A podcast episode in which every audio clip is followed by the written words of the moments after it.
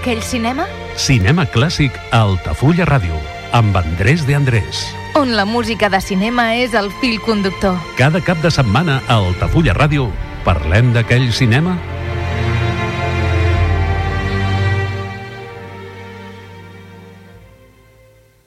Benvinguts a l'espai radiofònic Parlem d'aquell cinema. Parlem d'aquell cinema és això, és parlar de les coses del cinema, però no els estrenos, sinó aquell cinema. Aquell cinema pot ser de l'any passat, però ja és aquell cinema, ja és passat precisament, però a vegades podem parlar de coses més antigues. Parlem de cantants, d'actors, de directors, coses que han passat, anècdotes, tragèdies, tot el que sigui relacionat amb aquell cinema. I avui parlarem d'un gran cantant, que va ser un gran cantant, actor de cinema també, però sobretot un gran cantant que també va tindre la seva història. Ens referim al cantant Mario Lanza.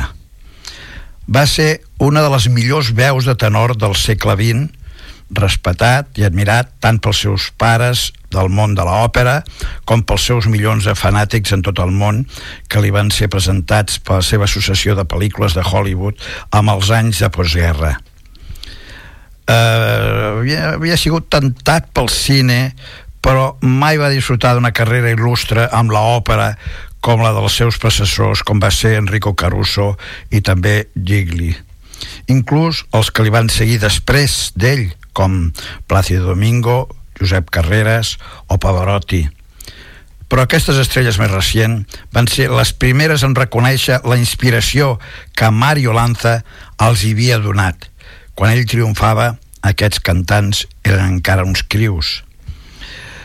Bueno, aquestes cançons que els hi vaig a presentar avui pertanyen amb la seva curta carrera que va acabar amb la seva mort prematura a l'any 1959 quan ell tan sols tenia 38 anys. Inclueix aquest CD que porto moltes de les seves cançons més conegudes que van proporcionar pues, una, una rara victòria amb d'un tenor operístic de 3 milions de singles sen, eh, senzills, o sigui, singles venuts. Singles és aquell disc que hi havia una cançó per cara, a vegades a les mateixes revolucions de 45 revolucions per minut hi havia dues cançons, però normal és que n'hi hagués una per cara pues a part d'aquests milions de, de singles venguts, així com diversos altres èxits, junt amb la majoria, la majoria dels costats dels discs A, cara A i cara B dels seus senzills per la casa de discos RCA. Proporciona un aparador fabulós amb la seva veu única, així com la seva versibilitat per oferir potents interpretacions dels favorits de l'òpera junt amb melodies i estàndards més lleugers a més d'una selecció de cançons i presentacions dels seus èxits programes de ràdio que havia patrocinat Coca-Cola. Anem a sentir, doncs, una d'aquestes primeres cançons amb el dia d'avui de Mario Lanza que tindrem de tot, tindrem cançons eh, en fin, populars alegres eh, també tindrem algo d'òpera però anem a sentir ara una interpretació de George Frederick Handel Isaac Watts amb el títol de Alegría para el mundo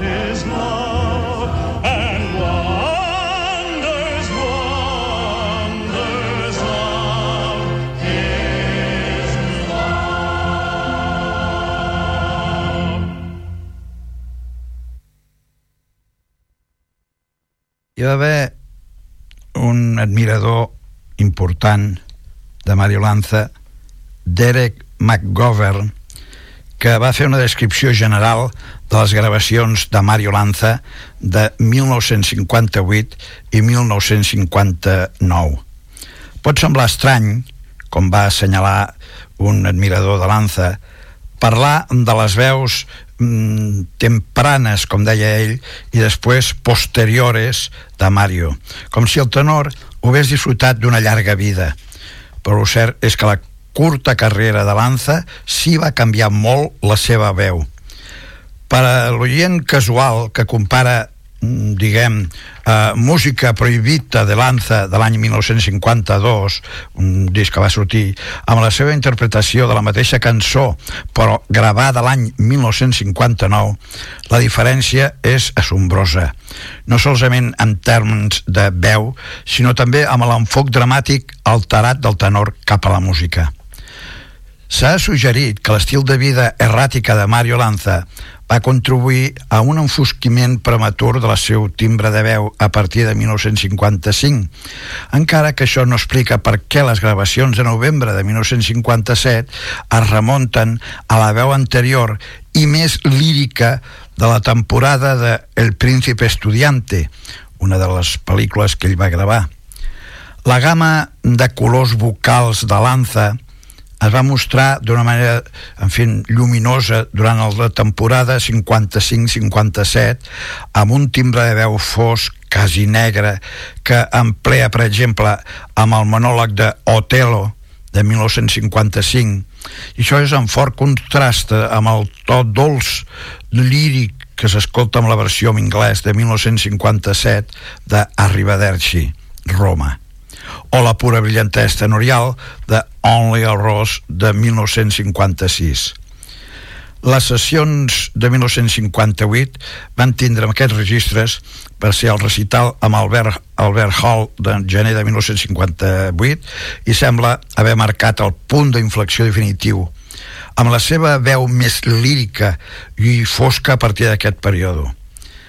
La veu de Lanza havia canviat per llavors de la d'un espinto socialment líric de tenor a quasi un tenor dramàtic. Un fet que no va passar desaparegut per l'expert John Coas, qui va donar uns elogis enormes al timbre negre i al rango excepcional de Mario Lanza, anomenant-lo a l'únic tenor robust verdader del món. Anys més tard, el famós director Franco Ferrara descriviria el tenor en desembre de 1958 com vocalment extraordinari, amb una veu que combinava acer i calidez. Una descripció ideal per a la meva ment del so posterior de Mario.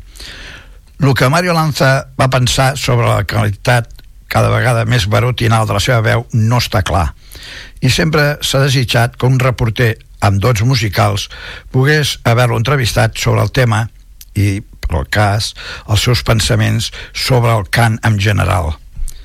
Els seus comentaris haguessin sigut fascinants, però, lamentablement, els entrevistadors semblen haver estat més interessats en discutir els escàndals i el pes.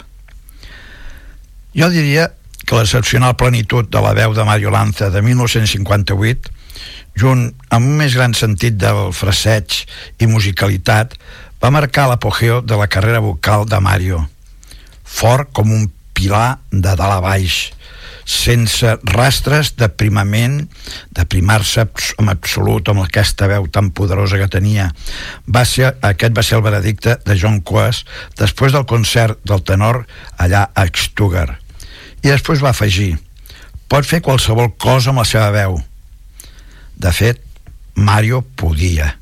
I la seva última pel·lícula oferia proves sorprendents d'aquesta versatilitat. per primera vegada, amb l'única excepció, la laboriosa La dona è mòbile va tindre amb el cant més consistent de Lanza amb anys. Una il·lustració perfecta de la maduresa vocal recient descoberta del tenor és Vesti la Giuva, idealment escoltat amb la banda sonora de VHS amb el lloc del CD mal reproduït i amb el volum pujat a un nivell generós. O sigui que a vegades unes gravacions, si no estan fetes en carinyo, poden destrossar un idealisme i una veu. S'escolta correctament, l'impacte d'aquesta gravació és devastador. Té, amb aquesta etapa, la veu ideal de Canio. Mario Lanza ofereix un recitatiu aterradorament efectiu seguit del seu millor interpretació amb aquesta àrea desgarradora.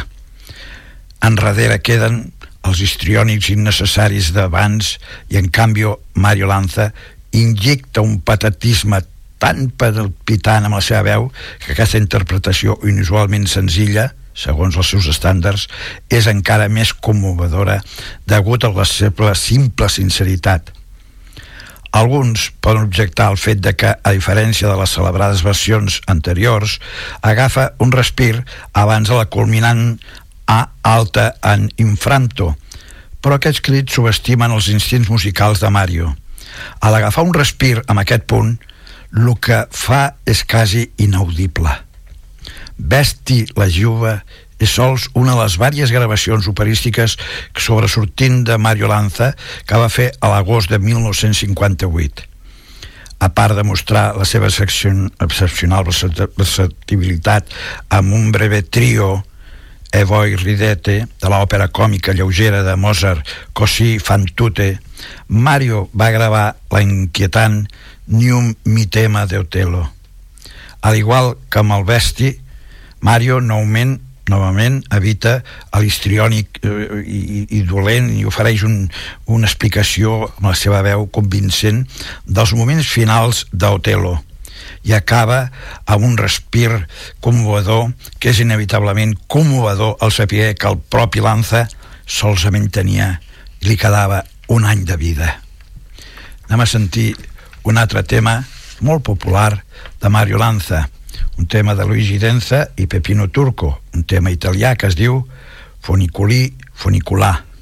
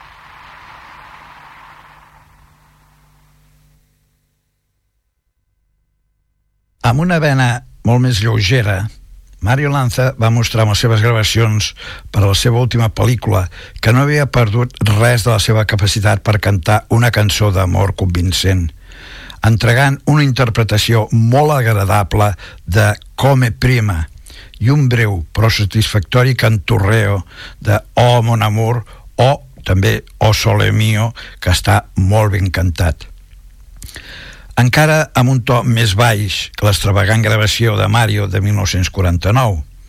En altres llocs, les notes altes també van ser molt evidents, eh, per exemple, per primera vez, amb la commovedora canció d'Offern House, que proporciona no sols la novetat d'escoltar a Mario cantar amb alemany, sinó també una prova, si és que alguna vegada va ser necessari, de lo que el seu registre superior encara estava gloriosament intacte, solsament 11 mesos abans de la seva mort.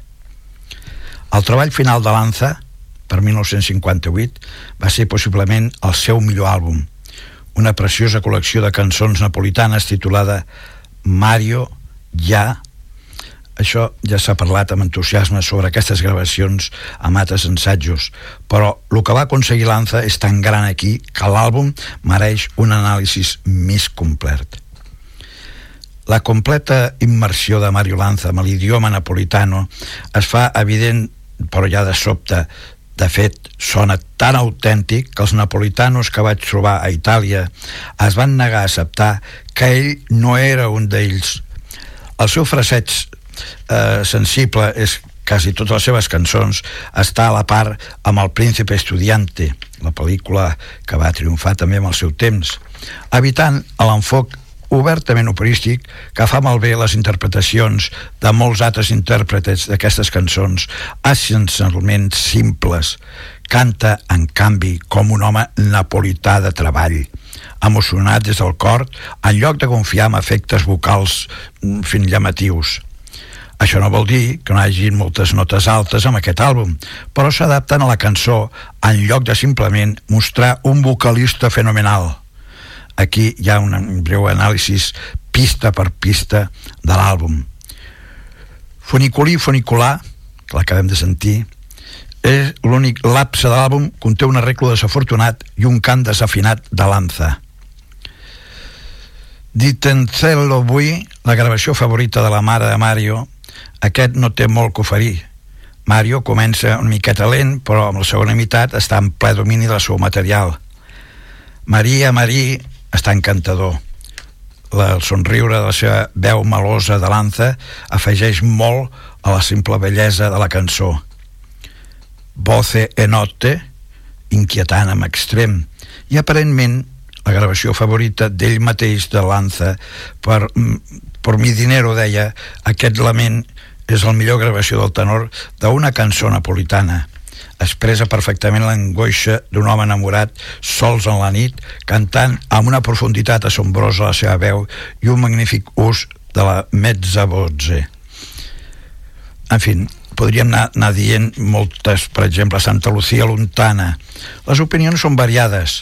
Alguns prefereixen la versió inèdita que es va transmetre amb el Coca-Cola Show, però personalment m'encanta la forma en què Mario Lanza pinta vocalment la bellesa del mar i la lluna amb aquesta oda napolitana amb la seva terra natal.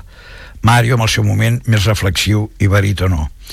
I podríem anar mencionant moltes i moltes d'aquestes cançons. I així va acabar 1958, un any extraordinari en la vida d'un artista extraordinari en 12 mesos agitats, Lanza es va sometre a un extenuant gir de recitals. Va lluitar contra una enfermetat greu i va completar una pel·lícula i va fer algunes de les seves millors gravacions. Al final de l'any havia tingut totes les raons per mirar cap enrere amb els 12 mesos anteriors i mirar-los amb orgull encara que d'alguna manera dubto que l'estil de vida frenètic de Mario hagi donat temps perquè una contemplació fos tan tranquil·la. Anem a sentir una altra peça de Mario Lanza, cantada, cantada Mario Lanza, eh, un títol que el van escriure Ethel Nevin i Richard Rogers. El títol, El Rosario.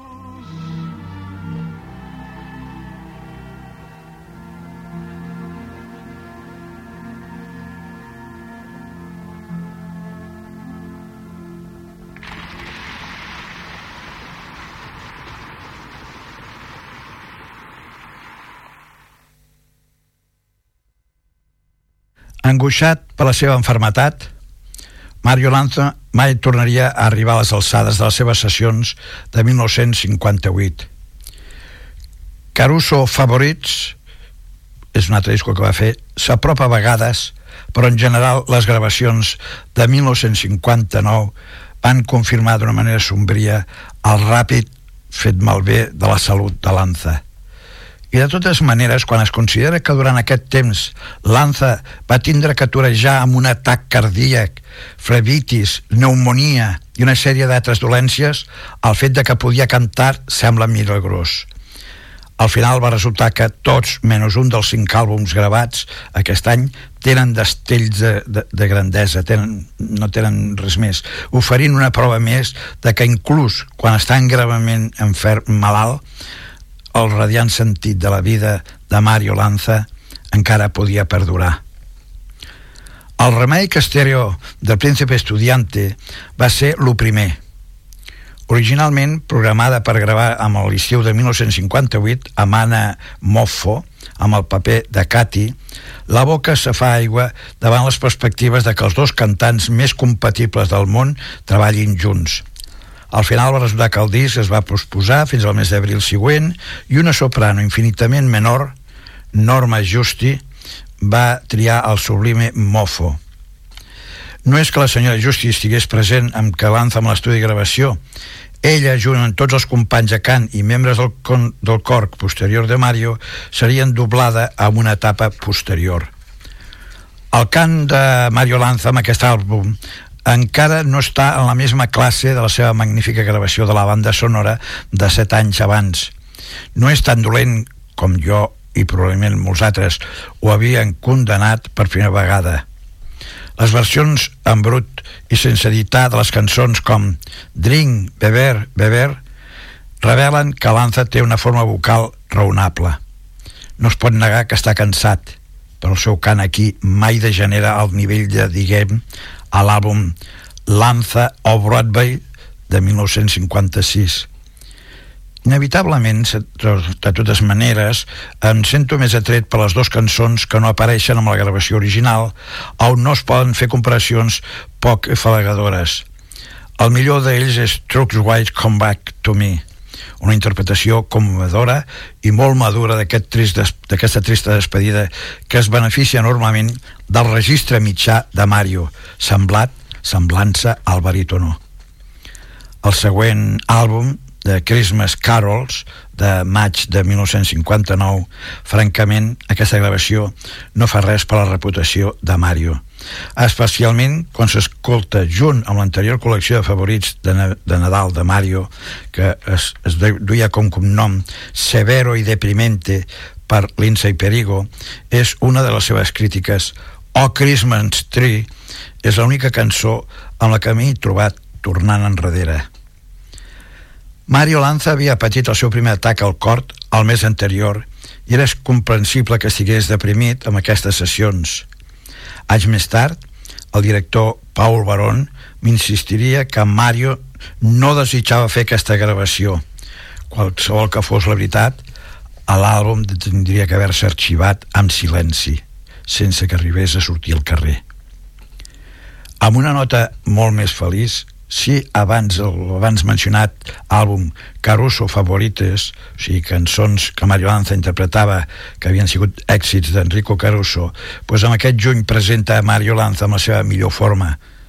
De totes maneres, com passa amb totes les gravacions de 1959, la reproducció de la veu de Lanza, encara curiosament no l'orquestra, amb els LPs i CDs de la BMG, estan lluny de ser ideals.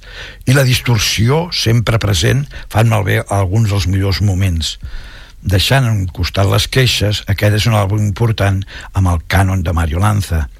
Entre els més destacats es troben la cançó napolitana Sense Nistiuno després ja una deliciosa vaguíssima semblança després repleta dos, famo eh, dos preciosos High As la supremament desalentadora Serenata i tres exquisites cançons de Tosti L'alba separa de la luz de l'ombra per un brasier a ideale.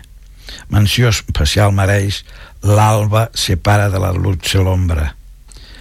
Mario és apropiadament operístic, amb aquesta obra maestra a miniatura, i encara que la seva veu soni una miqueta pesada a vegades, l'impacte de la seva interpretació és profundament commovedor quan arriba a la línia chiudimi o notte nel tuo sen materno envuélveme o noche en tu pecho materno sabem que estem en presència de la grandesa. L'únic que lamento és que la qualitat del so faci malbé el moment culminant que ve poc després de la síl·laba mèdia de la paraula, de la paraula eterno solia pensar que Mario estava en problemes amb aquesta nota però una escolta més atenta als auriculars revela que la falla radica amb la gravació real. Si ho pot pesar per alt la distorsió i la qualitat del so encaixonat, l'alba separa sorgeix com una peça impressionant de cant i un meravellós exemple de la maduresa artística de Mario Lanza. Un altre tema de, interpretat per Mario Lanza de Giacomo Meyerbeer o Paradiso.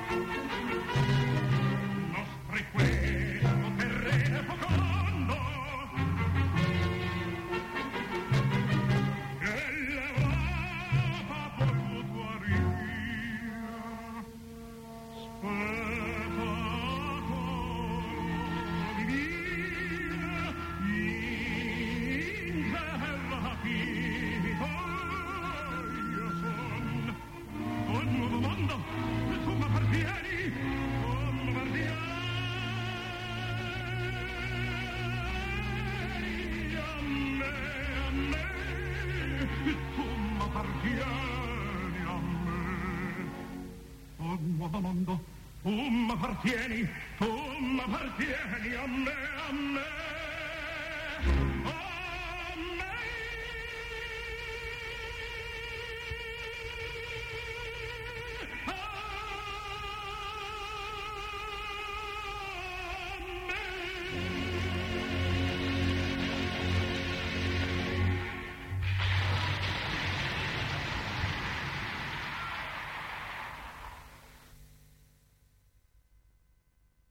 Entre els pocs moments menors, Mario s'agota amb la segona meitat de la Mia Canzone i és sumès a un arreglo demasiada eh, massa, no sé, bulliciós de, eh, la, amb l'obra, o sigui, amb la cançó Santa Lucía. Això últim sona més com una marxa que com una cantarina oda a la bahia de Nàpoles. A vegades, Lanza eh, s'escolta, el sentim cansat i com m'ha assenyalat un crític perspicaç, estranyem el somriure característic de la veu anterior de Lanza, però hi ha molts moments agradables amb aquest, amb aquest camí per compensar irònicament és molt més probable que els crítics i els habituals de Lanza fagin elogis entre àlbum per la mateixa raó que és tan moderat evidentment un Lanza molt fin retraigut amb el seu habitual bon humor i brillantès vocal obstaculitzada per l'enfermetat és molt més agradable per aquestes camises de peluche. Després de Caruso Favorites, Mario va tornar a l'opereta amb dos àlbums finals, The Vagabond King i The Desert Song, gravats en juliol i agost, respectivament els aspectes més destacats d'aquests àlbums s'escolten de nou amb un efecte molt millor amb les versions crues que estan disponibles de Damon Lanza Productions. Sovint he desitjat que RCA ho hagués optat per una col·lecció de lo mejor de amb un sol disc d'aquests dos àlbums en lloc d'exposar pòstumament la trista realitat de que Lanza estava clarament agotat amb els seus projectes finals. La veu segueix intacta sols necessita escoltar el brillant Hike as en Love Me Tonight o l'aterradora tessitura que Mario conquista amb On Flower Grows Alone in Your Garden. Com prova d'això, però hi ha una sensació sempre present de que aquí hi ha un home lluitant contra vent i marea per entregar els vents vocals que ell disposa. El fet de que molt sovint tingui èxit és un testimoni del seu talent sobrehumà. Una altra cançó de Mario Lanza de Nicholas Brochir i Sami Khan. Aquí, Porque eres mía. Això és el tema de la pel·lícula.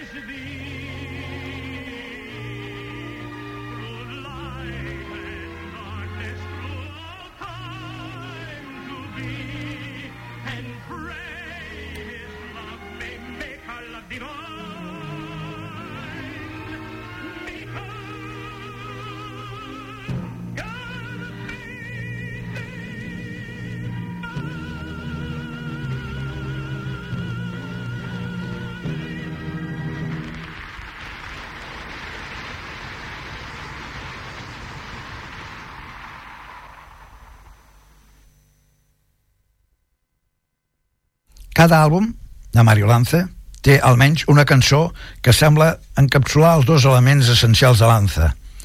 L'anel romàntic amb el subestimat Home Alone i el gloriós desig de viure amb la commovedora cançó Para beber del rei vagabundo.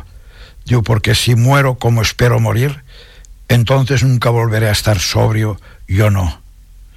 Són les paraules profètiques que Mario canta amb aquest últim mentre anticipa amb molta alegria la doble delícia d'una noia maca i un oceà de vi. Això amb les escenes. Em reconforten molt amb les gravacions, perquè enmig d'aquestes tristes sessions finals de 1959, The Drinking i Song on Alone recuérdame una verdadera abrumadora o sigui, recuerda que és una autèntica abrumadora que lança a l'alegre celebrant de la vida i el desafiant enemic de tot el que està malament en aquest món seguís sent seguís seguint essencialment el mateix Mario Lanza que era vibrant i romàntic d'aquell abans que va passar fins ara al seu final. Mario va disfrutar vivint la vida al màxim. S'ha observat, va dir algú. I gràcies a Déu per tot el que va fer, lanza a l'últim dissipador de fatalitat i desesperació. Un altre tema de Mario Lanza. Aquesta és una peça molt coneguda d'Agustín Lara amb la lletra en anglès de Dorothy Dutt i es considera una de les millors gravacions que s'han fet d'aquesta cançó. La cançó, coneguda per tothom en tot el món, és Granada. Repetim, es considera la millor versió que s'ha fet d'aquesta Granada amb una veu d'un tenor. Escoltem, doncs, aquesta peça per acabar el programa d'avui. Moltes gràcies per la seva atenció. Andrés de Andrés els agraeix que segueixin amb atenció aquest programa, si és que els agrada. Moltes gràcies.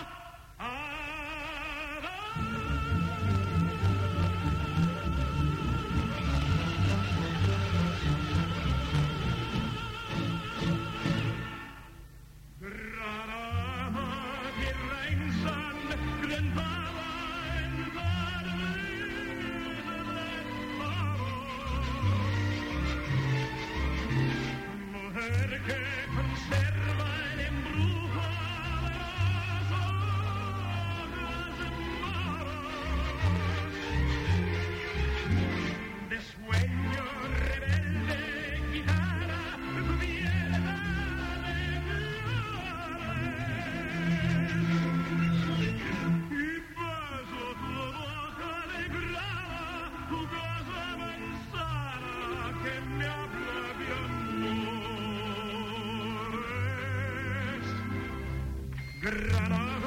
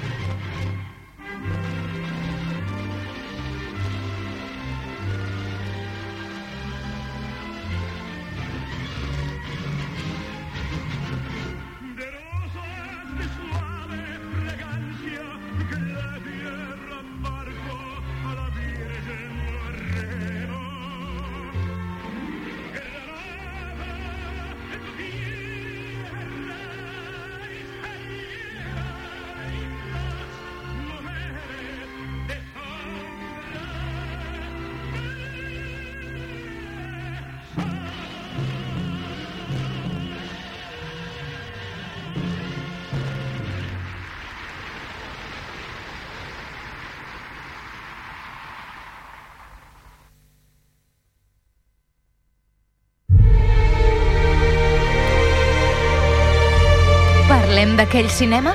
Cinema clàssic a Altafulla Ràdio, amb Andrés de Andrés. On la música de cinema és el fill conductor. Cada cap de setmana a Altafulla Ràdio parlem d'aquell cinema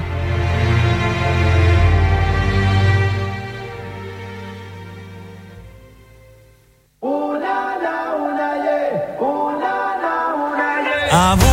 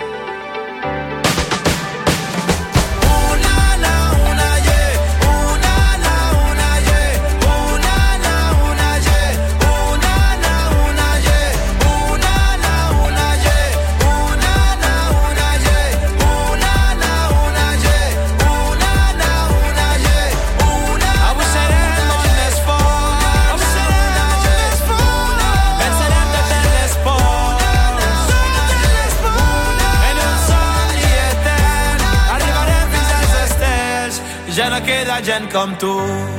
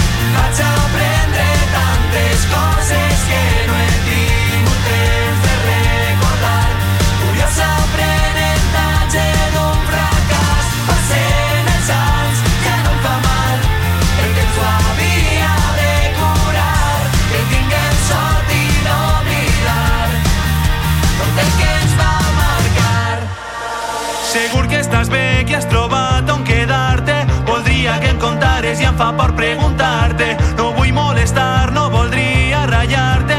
Lo nuestro ya pasó, pero parlem de nosaltres. I ara que sona la cançó que ens morava els dos, no li trobo el sentit que tenia quan la cantava. Jo volia eixir, deixa-la venir, no és per tu esperar.